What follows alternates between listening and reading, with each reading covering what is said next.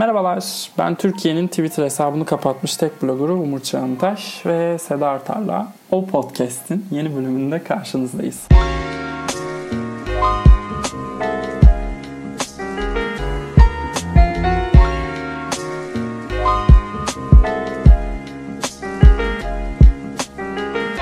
Hoş geldin Seda. Hoş bulduk Umurcuğum. Nasılsınız efendim? Teşekkür ederiz. Sağlıklı kalmaya çalışıyoruz. Sizleri sormalı. Ben de kafayı yemek üzereyim ama iyiymiş gibi davranıyorum. Gündemimiz çok yoğun değil aslında ama bence mutlaka izlenmesi gereken şu dönemde bir iki dizi, bir iki film var. Onlardan konuşacağız. Ve açılışı da tabii ki şu an sanıyorum herkesin izleme listesinde olan The Tiger King ile yapacağız. Netflix'in 7 bölümlük kafayı sı- sıyırttıran belgeseli. Buyurun sahne sizin efendim. Teşekkür ediyorum. Sen bitirdin mi? Ben 5. bölümü izledim en son. 2 bölümüm Okey. daha var. 3 bölüm. Bir bölüm daha geldi. O şey Joel McHale'ın sunduğu bir şey diye Reunion gibi galiba. Çok Yani şöyle onun büyük bir kısmını izledim ben de. Ee, izlediğim bir sürü karakterle röportaj yapıyor. He. Dolayısıyla aslında hikayenin devamı. İşte şeyi soruyor.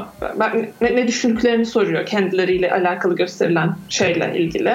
Ee, herkesle görüşmemiş ama görüştüklerine işte e, sence başına gelenleri hak ediyor mu falan diye soruyor. Bayağı sürükleyici bence o da. Yani e, ben hiçbir şey izleyemediğim ilk karantina haftasının hemen ertesinde oturup izledim. Ve dört bölümü üst üste izledim. Bu gerçek olamaz, bu gerçek olamaz, bu gerçek olamaz diyerek izleyen herkesin tepkisi o herhalde. E, ya o kadar acayip bir şey izliyorsunuz ki yani gerçekten bu gerçek olamaz ya da bu o kadar saçma bir şey ki ancak gerçek olabilir kimse bunu uyduramaz e, diyerek izliyorsunuz. Benim tepkim o oldu. E, ilk 3-4 bölümün çok iyi olduğuna çok dengeli ilerlediğine inanıyorum. Yani neredeyse bir kurgusal Başarılı. metin izler gibi. Evet. Yani güzel bir roman okur gibi hatta işte bütün karakterleri tanıtıyor. Hepsi için e, bakış açını değiştirecek bir takım doneler veriyor sana falan. Çok iyi vakit geçirdim. Sona doğru biraz temposunu kaybettiğini düşünüyorum. İşte son iki bölüm aslında muhtemelen tek bölümde anlatılabilirmiş. E, biraz böyle hikayenin skandal tarafına fazla odaklanıyor falan ondan sonra. Yani keşke başladığı gibi ilerleseydi o zaman gerçekten bir e, başyapıt olurmuş. Şu haliyle çok hayranı değilim ben ama o hiçbir şey izleyemediğim delikten beni çıkaran sayılı birkaç işten bir tanesi. Ben şeye bayıldım açıkçası.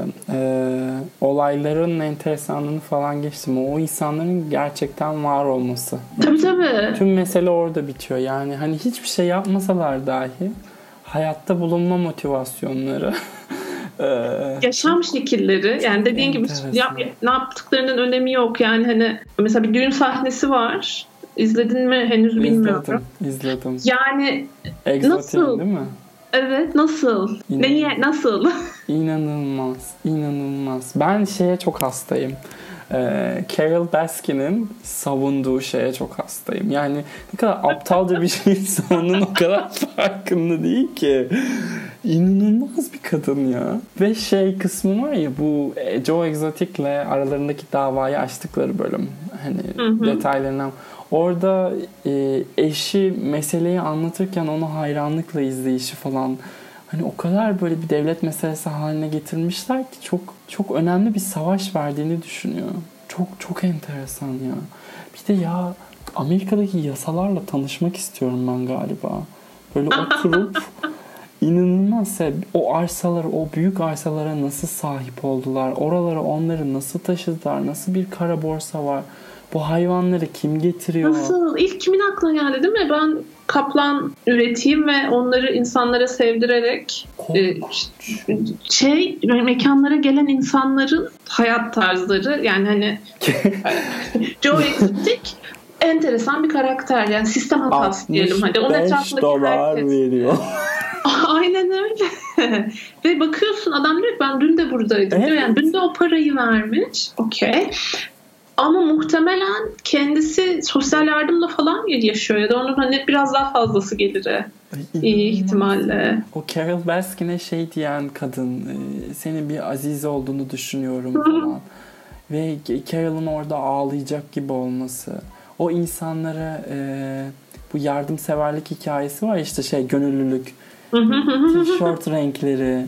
işte 5. aşamaya gelene kadar çoğunun adını bile bilmiyorum demesi. Ah. Çok enteresan ya. Çok inanılmaz bir şey. İnanılmaz gerçekten. OJ belgeselini izlerken dava kısmında bunun bir benzerini yaşamıştım. Hani Amerika tamam aptal olduğunu biliyorum Amerikalıların. Ee, dünyaya sattıkları o pembe Amerikan rüyasının özellikle adalet ayağının korkunç olduğunu da biliyorum ama bu, bu bambaşka bir level.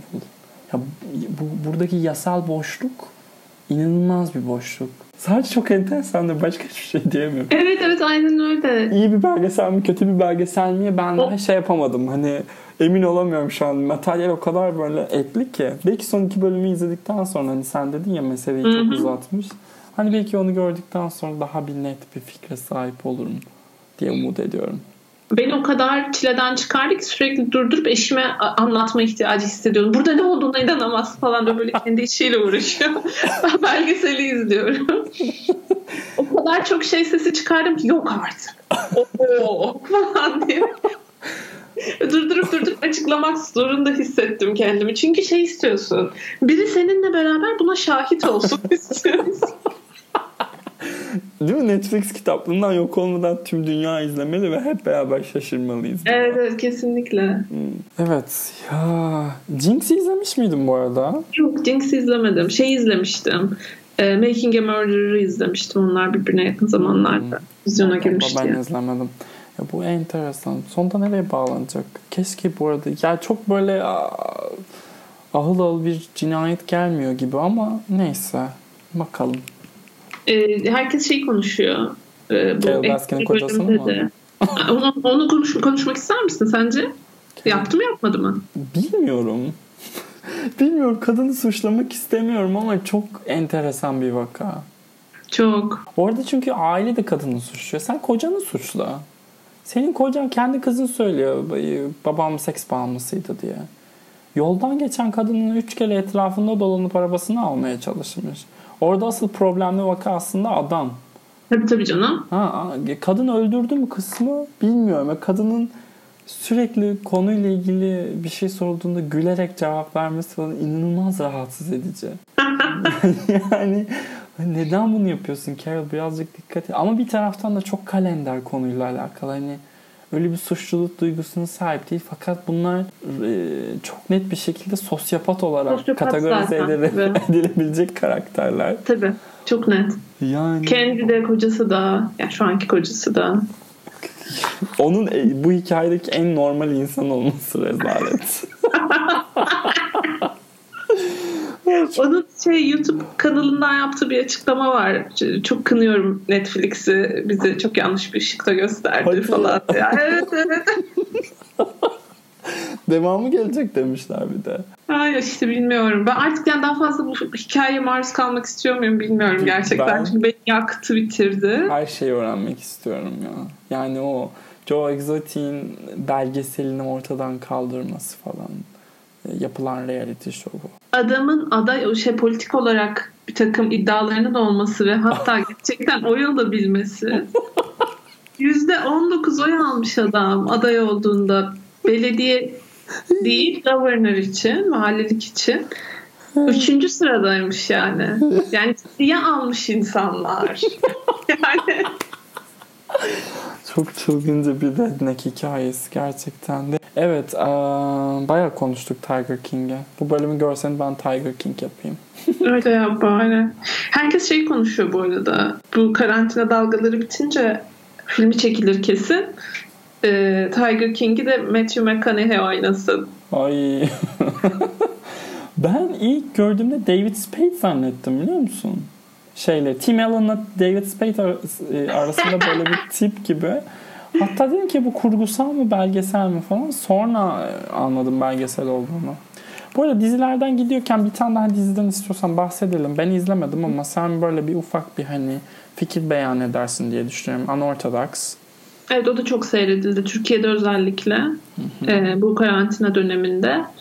Tabii beyan edeyim kıymetli fikirlerimi. Bilmeyenler için bilmeyen kaldıysa Unorthodox. Uç Yahudi uç e, Ortodoks Yahudi komününde yaşayan genç bir kızın. Hasidik mi? Hasidik. Ama hasidikliğin de böyle korkunç çok bir kısmı. Dip bir şeyi, kolu. Macaristan'dan, yani Macaristan'da başlamış bir e, mezhebi diyeyim. E, Brooklyn'de, Williamsburg'da çok kapalı bir komünite şeklinde yaşıyorlar.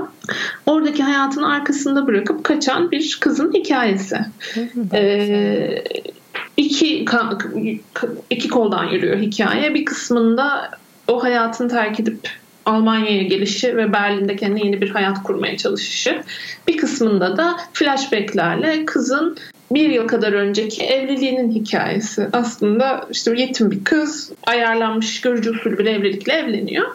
O bir senelik evliliğin sonunda bir şeyler oluyor. Evini ve orada o hayatını arkada bırakmaya karar veriyor. Dört bölüm Küçücük bir dizi zaten. Bir hafta sonunda oturdum bitirdim. Ya ben çok keyifle izledim. Zaten Netflix bu işin artık şeyini çözmüş. Dinamiğini çözmüş. Başından kalkamadan böyle dizileri özellikle 4 bölüm 5 bölümlük dizileri bitiriyorsun.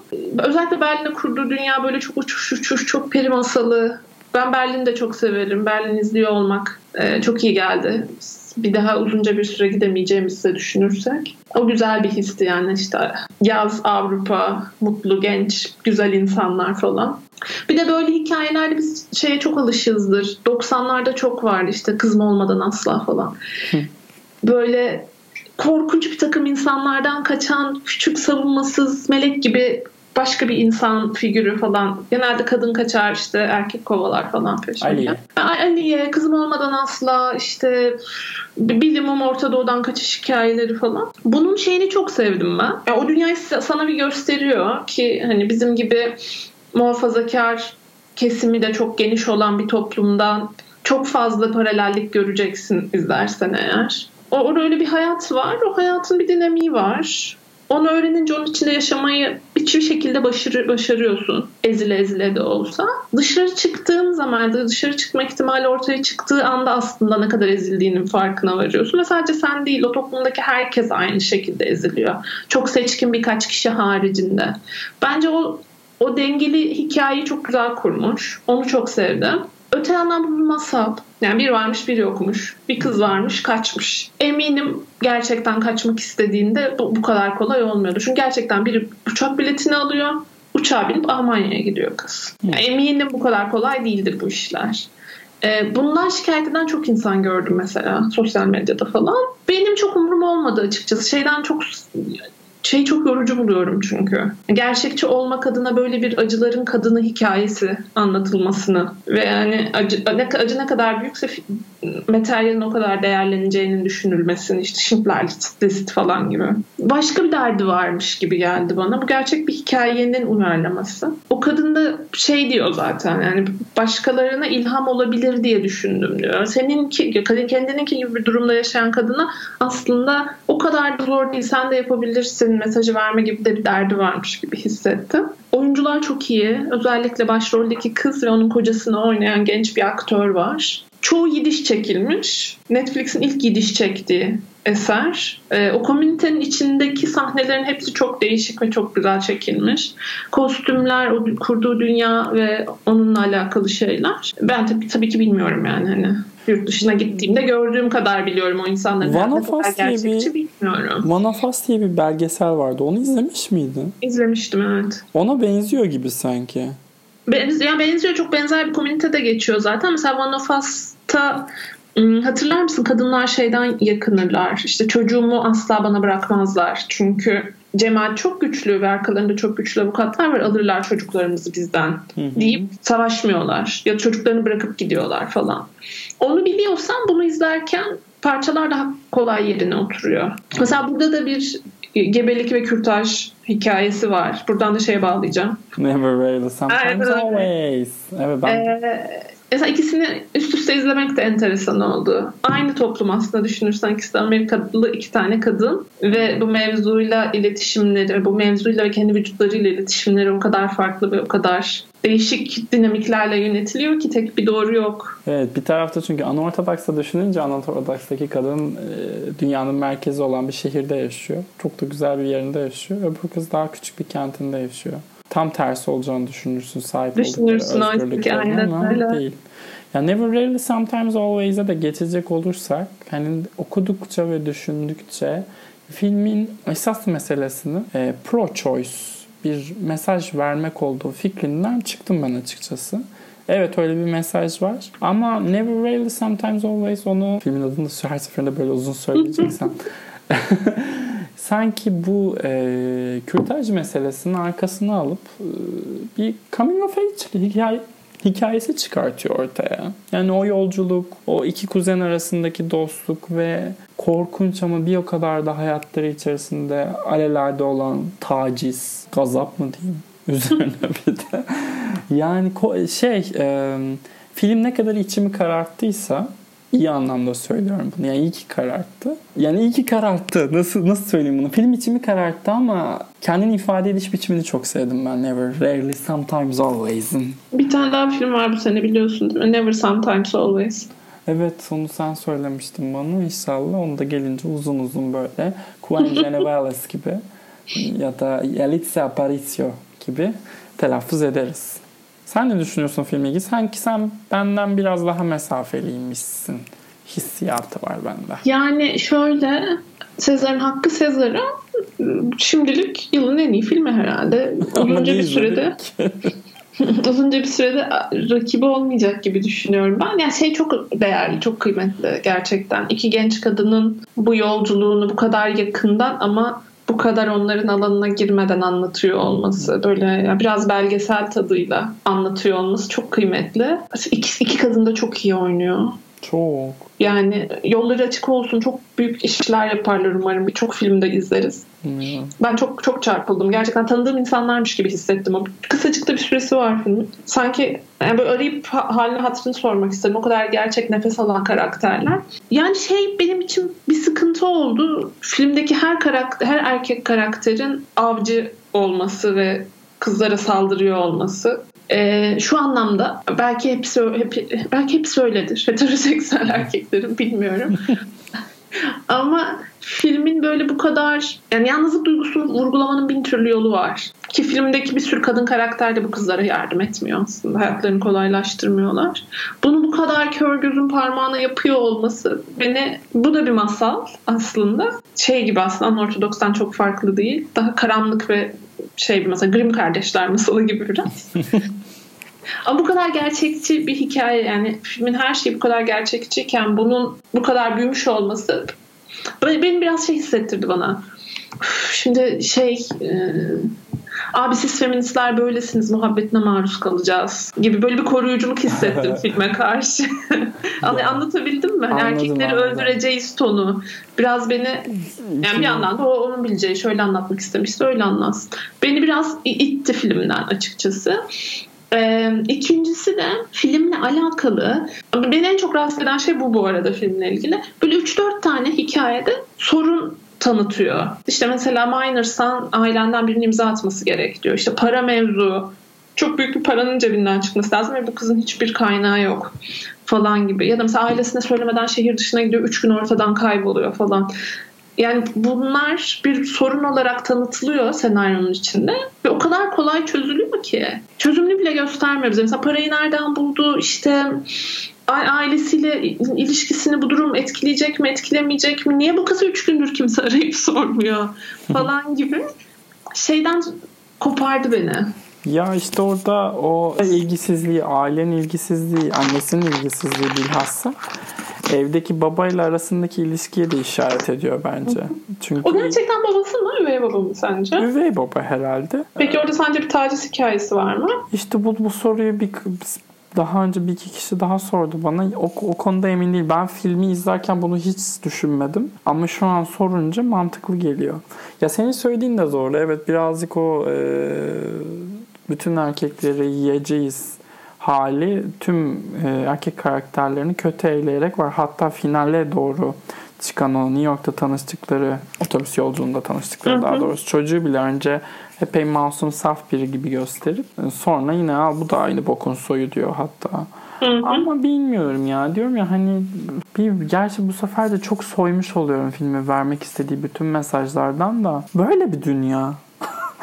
Ya işte orada bitiyorum ben. Gerçekten böyle bir dünya. Ha, bu arada bunun hepsi aynen böyle de yaşanabilir. Evet, Mesela yani- Anortodokstan farklı olarak aynen bunların hepsi başına da gelebilir. İşte o yüzden ben şey e, onları o kadar sorgulamadım galiba. Yani böyle acı bir şekilde yutkunarak izledim büyük bir kısmını. Ay çok ağladım dizlerime vurmuşum gibi sanki benim şeyime ihtiyacı varmış gibi oldu bu cümle de.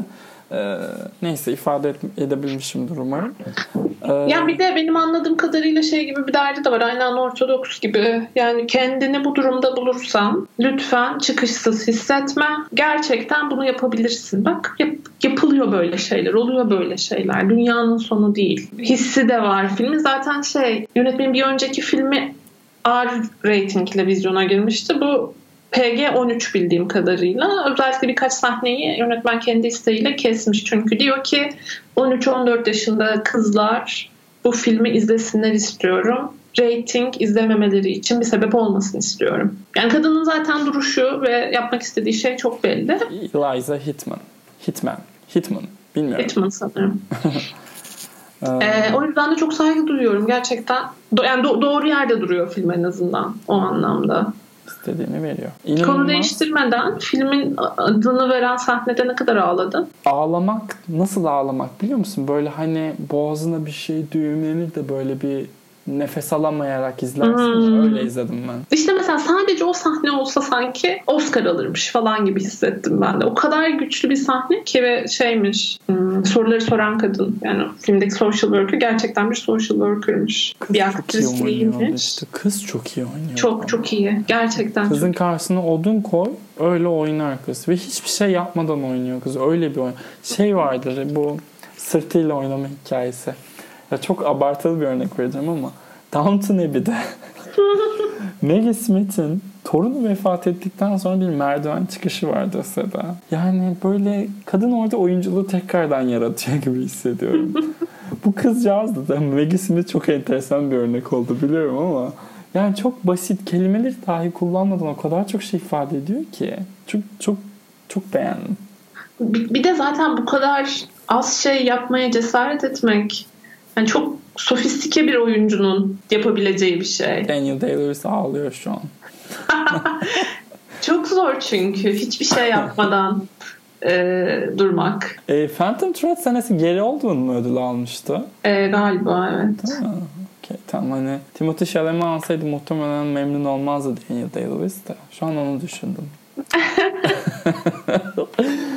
Ee, evet konuyu değiştirmeye geri dönüyorum. Karanlık bir yerden pek aydınlık bir yere geçeceğiz. Onward. Ee, Pixar'ın yılın ilk 6 ayına sığdırdığı bir animasyon kendileri. Yine aynı mesaj. Ailenin önemi, aile, ailemiz, ailelerimiz, aile bağı, aile. ben benim birazcık sıtkım sıyrılmaya başladı bu aile mesajından.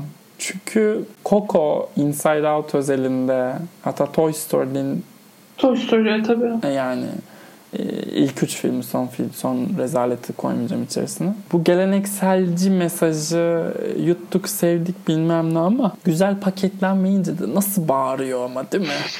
Hani yani o kadar eski kafalı ki o kadar eski kafalı. Ki kötü bir filmde değil bu arada. Ve sonunda yine gözlerim yaşlandı mı yaşlandı. Ama Ya. dedim ki neden? İçinde derinlerde bir yerde çok minnoş böyle pofidik bir kalp taşıyorsun ama. sen, sen duygulanmadın galiba. Yok ben duygulandım da ben her şeye ağlarım. Her filmde ağlarım ben. Yani Six Sense'te ağlamışlığım var benim. benim Ağlanır. Ağlanır onda. Çocuk çok güzel ağlıyordu bir kere orada. Şey sahnesinde Tony Collette'le arabada konuştukları sahne var ya. Ay, ay, ay, orada o çocuğun gözüne koydukları silikonun gerçekçiliği inanılmazdı. Bayağı böğürmüştüm yani. Tony Collette de ne kadar iyiydi yalnız o filmde. Tony Collette annem olabilir mi? Onward'a geri dönüyorum. Evet. ya işte Disney birazcık şeye döndü. Pixar artık Disney'in bir uzantısı olduğu için söylüyorum bunu. Kendisini oyun parkında yeni bir bölge yaratamayacağı animasyonun altına imza atmıyor. Onward sıfırdan resmen bir franchise. Devamı gelecek bir franchise vesaire değil ama her karakteri o kadar bağımsız ki bugüne kadar Çok- yaptıkları çok emek her var. şeyden. İnanılmaz. Ama işte o emeği karşılayacak bir şey yok. Çok iyi bir seslendirme kadrosu var bu arada. Onu söylemeden geçemeyeceğim. Tom Holland'da, Octavia Spencer'da. Ben şeyi çok keyifli buldum yani o kadroyu. O, Çok eğlenmişler gibi geldi dinlerken. Bilmiyorum belki abartıyorumdur. Ama haricinde ya he- hele ki Seda o eşcinsel karakter o polis. Hani gerçekten Yani. Hani ya ne yapıyorsunuz ya? 2020'ye geldik saatime vuruyorum şu an Judy gibi. ne yapıyoruz? Evet sana şey yapayım ben yeteri kadar. Yani şeyden çok yorulmadık, sıkılmadık mı? Ee, Skine işte e, nerdy çocuğun aslında kahraman olması falan. Her sene bir, bir grup çocuk bu, bu işle tanışıyor sonuçta.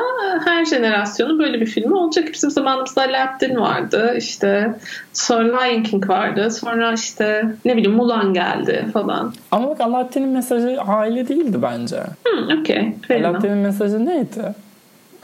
Sen neydi? yoktu. Alaaddin'in mesajı e, şeydi e, zengin olmak istemeye devam edin siz de zengin olabilirsiniz. Okey. Aa, Alaaddin'in mesajı gerçekten bilmiyorum Alaaddin'in mesajı ne. Kölelik kötü bir şeydir. Hizmet sektöründe çalışanlara kötü davranmayın. Orta Doğulular da seksi olabilir. evet çok derin ve güzeldi bu. Ee, bundan ileriye gidemiyorum. Lion, King, Lion King'de tabii yine bir sevginin gücü vesaire vardı. Lion King Hamlet uyarlaması biliyorsun. Ya, doğru. Doğru evet. Hadi canım. Öyleydi o da. Hamlet'te. Ee, Hamlet. Hamlet sevmiyorum falan diyormuş. Ya Shakespeare'in sevmediğim e, tekstlerinden bir tanesi Hamlet. Şey mi buluyorsun? E, Çok gerçek buluyorum. overrated mı buluyorsun biraz? Kendimi beyaz perdede görmeyi sevmiyorum Seda. Anladın Ha mı? tamam. Hamlet değil de ben şeyi sevmem Otello'yu. Gerçekten sevmiyorum. Şey Otello diyorum Macbeth'i pardon. Macbeth ha. Macbeth'i gerçekten sevmiyorum. Macbeth'ten Yeni çekiyorlar biliyorsun değil mi? Evet Francis McDormand, Denzel. Washington. Mecbur izleyeceğiz yani oturup.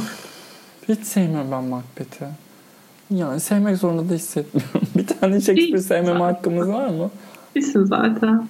Yani. Ayol Shakespeare seven kaç kişi var zaten? Bir tanesini sevme. Kim nereden bilecek? Heh, heh. En sevdiğim Shakespeare Baz Romeo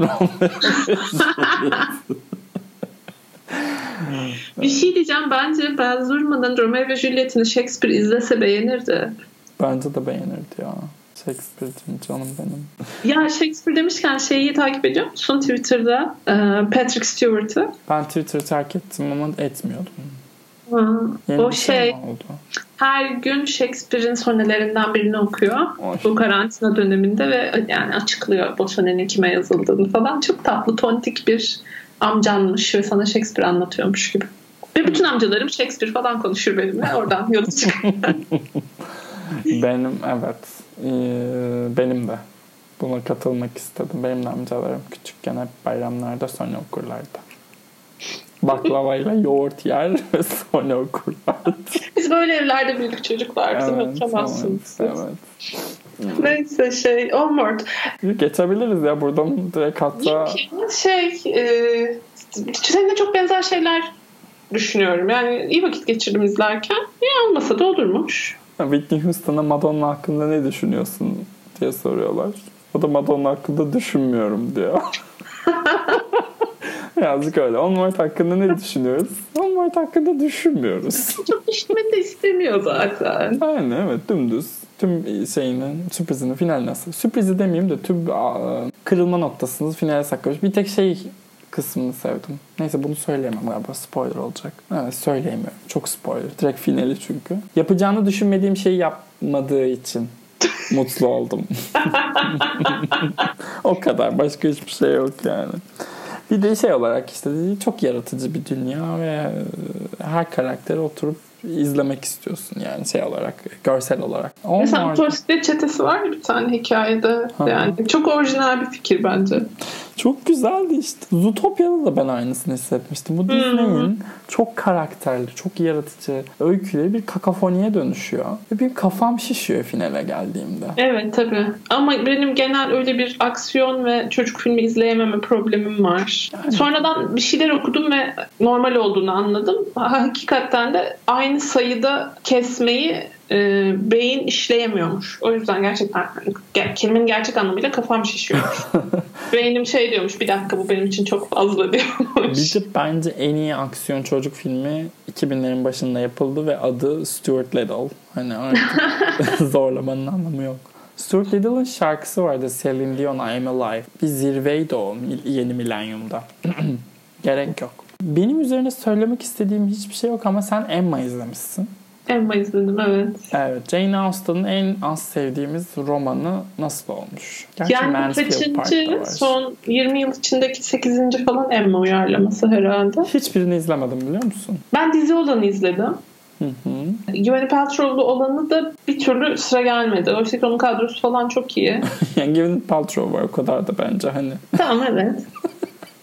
Gwyneth Paltrow'dan nefret ediyorum galiba. Kıskandığım için olabilir. olabilir. Olabilir. Ben de kıskanıyorum. Ya bir... Ee, Neyse tamam bunu sonra bir yandan bittikten sonra yol. Ya Gwyneth Paltrow geçen sene Emmy sahnesindeki yürüyüşünü izledim de daha dün mü? Muhteşem bir yürüyüş. Evet. Bu arada Emma çekileli de neredeyse 25 sene olmuş. 24 sene olmuş. Şaka gibi. E, Gwyneth Paltrow'la Emma. tabii Wow. 96 yapımı herhalde. Aa, çılgınca. 96 demişken ben asıl Emma'dan önce şeyi izledim. Dün dün galiba. E, Ondan önce, iki gün önce. Ee, Strange Days'i izledim. Bir Gazabon. Aa, çok severim. Çok harika filmmiş. Allah beni bildiği gibi yapsın gerçekten. Vaktim nelere harcamışım da bugüne kadar izlememişim diye. Yani çok iyi film gerçekten. Şey çok çok üzgünüm yani Bigelow ve James Cameron'ın kariyerlerinin ondan sonra aldığı yola ve böyle şeylerden çok uzağa düşmüş olmalarını. Adam gitti Avatar çekti ya. Şöyle bir şey yapabilecekken gitti Avatar 5 tane daha çekti. çekiyor. 5 tane daha. Evet maalesef. Ya James Cameron çok enteresan hakikaten. Yani Terminator'ları izledin mi bilmiyorum. Belli İzledim. bir yaşa geldikten sonra mı izledin ama önemli. Evet. Ha tamam. Ya çünkü insanı takdir ediyor. Gerçekten adam o e, janrı inşa etmiş sıfırdan. Ben şeyi de çok severim. Çok az bilinir. Um, Ed Harris'in Abyss. E izledim onu ama o kadar hatırlamıyorum ki. O kadar hatırlamıyorum. Bu iyi Ve çok şey. klostrofobik ve böyle O da zaten deniz o da şeydi değil mi? Ee, Su altında su altı, geçiyor. deniz altı bir şey. Çukur gibi bir şey hatırlıyorum. Hı O adam zaten kendi de bu meselelere çok ilgili olduğu ve şey olduğu için deniz bilimci gibi bir durumu da var galiba. O alanda okumuş bilmem ne etmiş. Ya Bigelow'un da James Cameron'ın da 90'lardaki Point Point Break. Point Break izledim mesela. Point izledim. Tabii ki. Kaç kere yani çılgınca bir başyapıt var. Evet aksiyon filmi işte aynen senin Stuart Little'ın gibi. aksiyon filminde zirve orada görüldü zaten. Siz daha Onun üzerine başka 9 tane Fast and Furious çekmeye falan gerek yok ki. Aynen Conair falan. ne gerek var? Conair. Ya bu bir gün sadece 90'lar sinemasını konuşalım. Çok ciddi. Yapalım bunu. Yani- Evet yapalım gerçekten. Çılgınca eğlenceli güzel bir dönem. Ee, sonu yok. Evet. Emma Strange Days sen konuyu nasıl bağlıyordun ben bilmiyorum ama. Şuradan az önce Millennium dediğin için aklıma geldi. Bir dakika ya Millennium demişken o da şeyde geçiyor ya 1999'un son iki gününde geçiyor.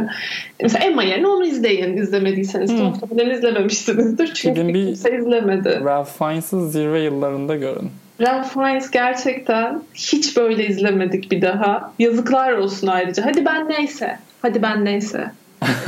Ha bunca sinema yapımcısı, bunca yönetmen, bu adamın bu cevherini niye kostümlü dramalara tıktılar, bıraktılar? Ben anlamıyorum ki arkadaşım. Yani Ya bu işte Ralph Fiennes'in Strange Days'teki Strange Days'teki karakter mesela şey değil mi sence de?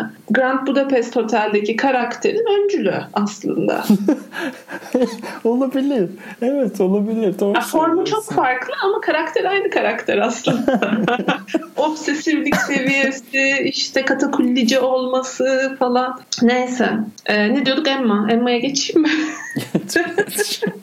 Film iyi mi? Yani kötü bu filmin kötü olma ihtimali yok zaten. Çok iyi bir hikaye var. Onu anlatıyor. Kostümlü drama seviyorsanız kostümler çok çok çok çok iyi. Böyle durdurmak falan istiyorsunuz. Zaten yönetmen de çok tadını çıkararak çekmiş. Mekanlar çok güzel. İşte İngiltere kırsal İngiliz kırsalı, işte Regency dönemi, mobilyalar, aksesuarlar. Gördüğünüz her şey çok cici ve böyle çok güzel bir renk paleti kullanılmış. Böyle biraz Instagram'a uygun. Oyuncular ee, da, oğlanlar da bence izlettirecek cinsten gibi geldi bana ama. Kız, da iyi oynuyor yani. Kötü oynamıyor diyeyim öyle söyleyeyim. Yine yani iyi, iyi ya da kötü oynanacak bir karakter değil. Çünkü bütün olayı sevimliliği aslında. Hani kostüm yakışmış mı? Perdede güzel gözüküyor mu? Çünkü aslında tahammül edilemeyecek bir karakter Emma. Ve ancak oynayan aktris çok sevimliyse sempati besleyebiliyorsun. Ben o kızı şeyde izledim. Ee, bu Shyamalan'ın Split Glass. Split de hiç fena değildi bence. The Witch'i çok net hatırlamıyorum. Böyle çok tatsız bir pozisyonda izlemiştim çünkü onu. Yani iyi bir aktris gibi duruyor ama umut vaat eden bir aktris. Gibi. Evet evet kesinlikle. Çok umut vaat eden bir aktris. Burada da yani üzerine ne düşüyorsa yapıyor zaten. Yani türü seven zaten kaçırmayacaktır.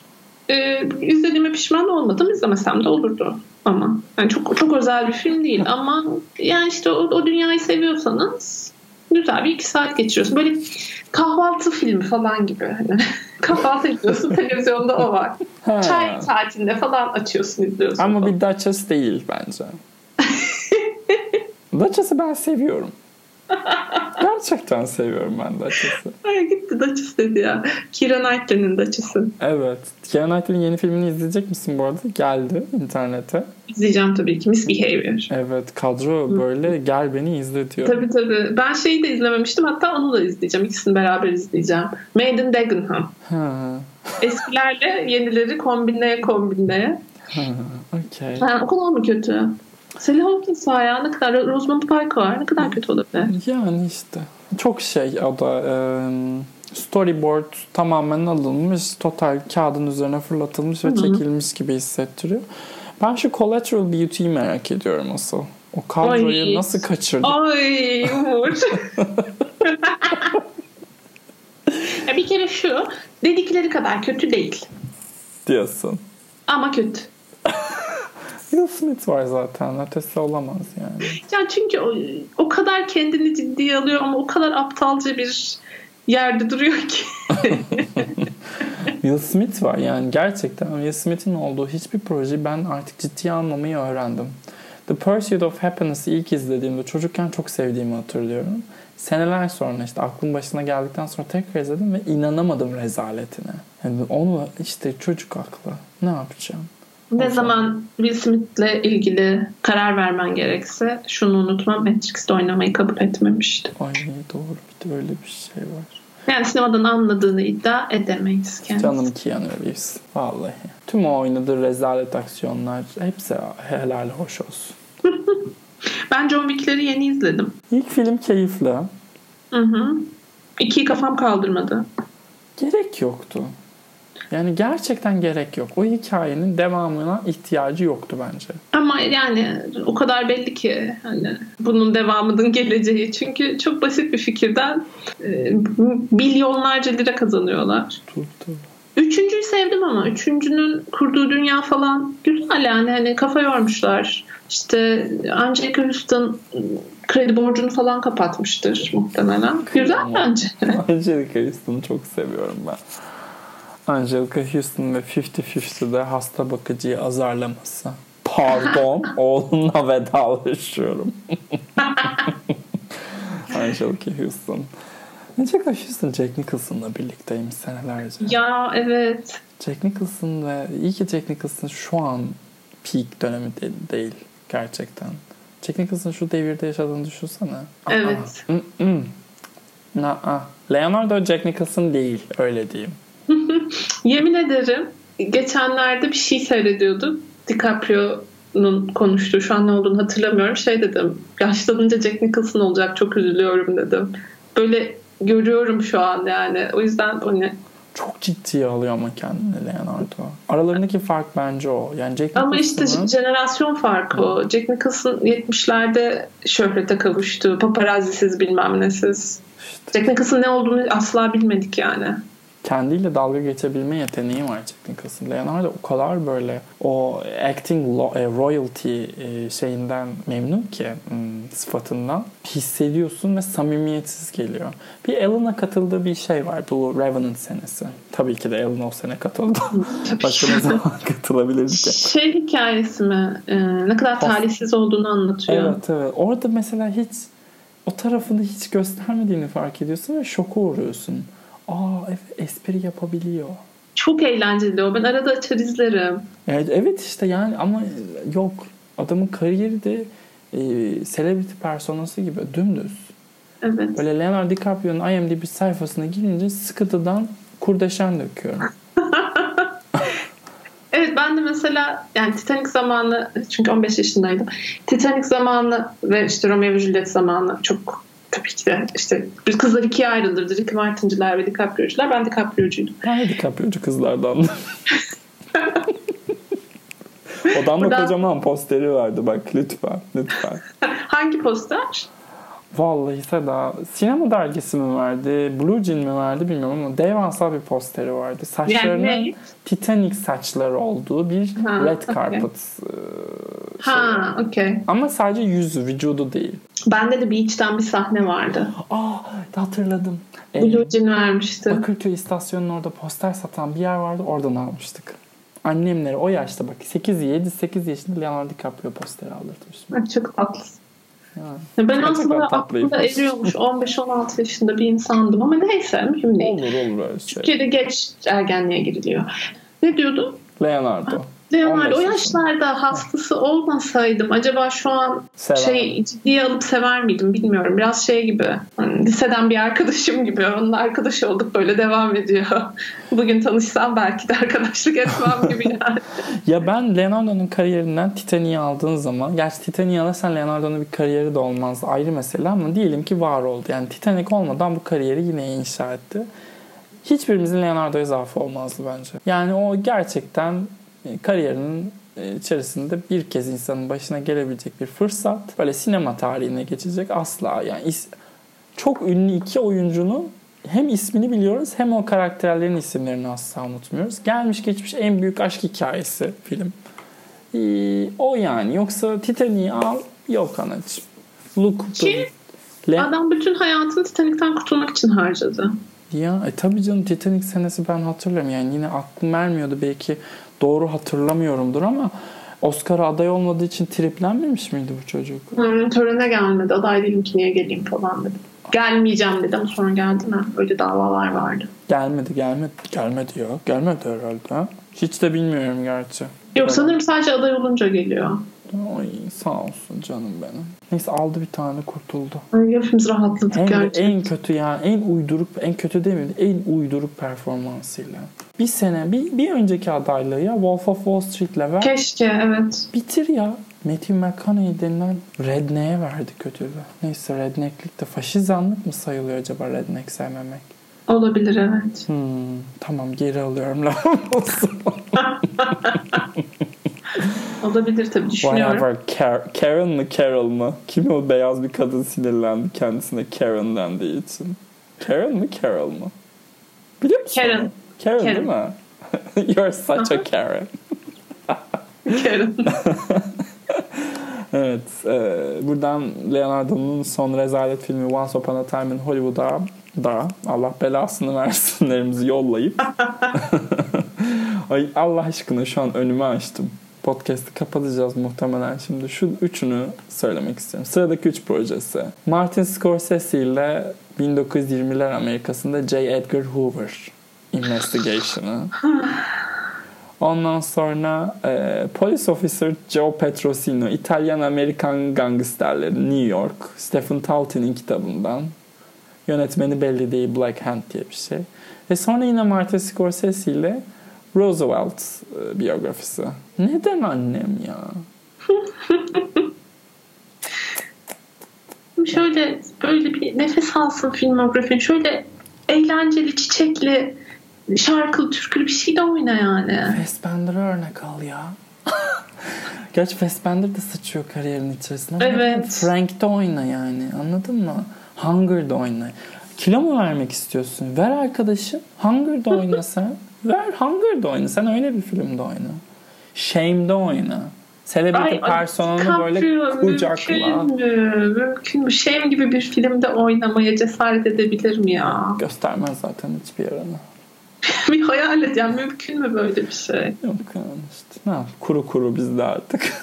Bir de ne anlatacak? Ne, ne anlatacak yani? Yok. Ah benim New York'ta çektik işte. Normal New York dışı. Akşamları evime gidiyorum falan.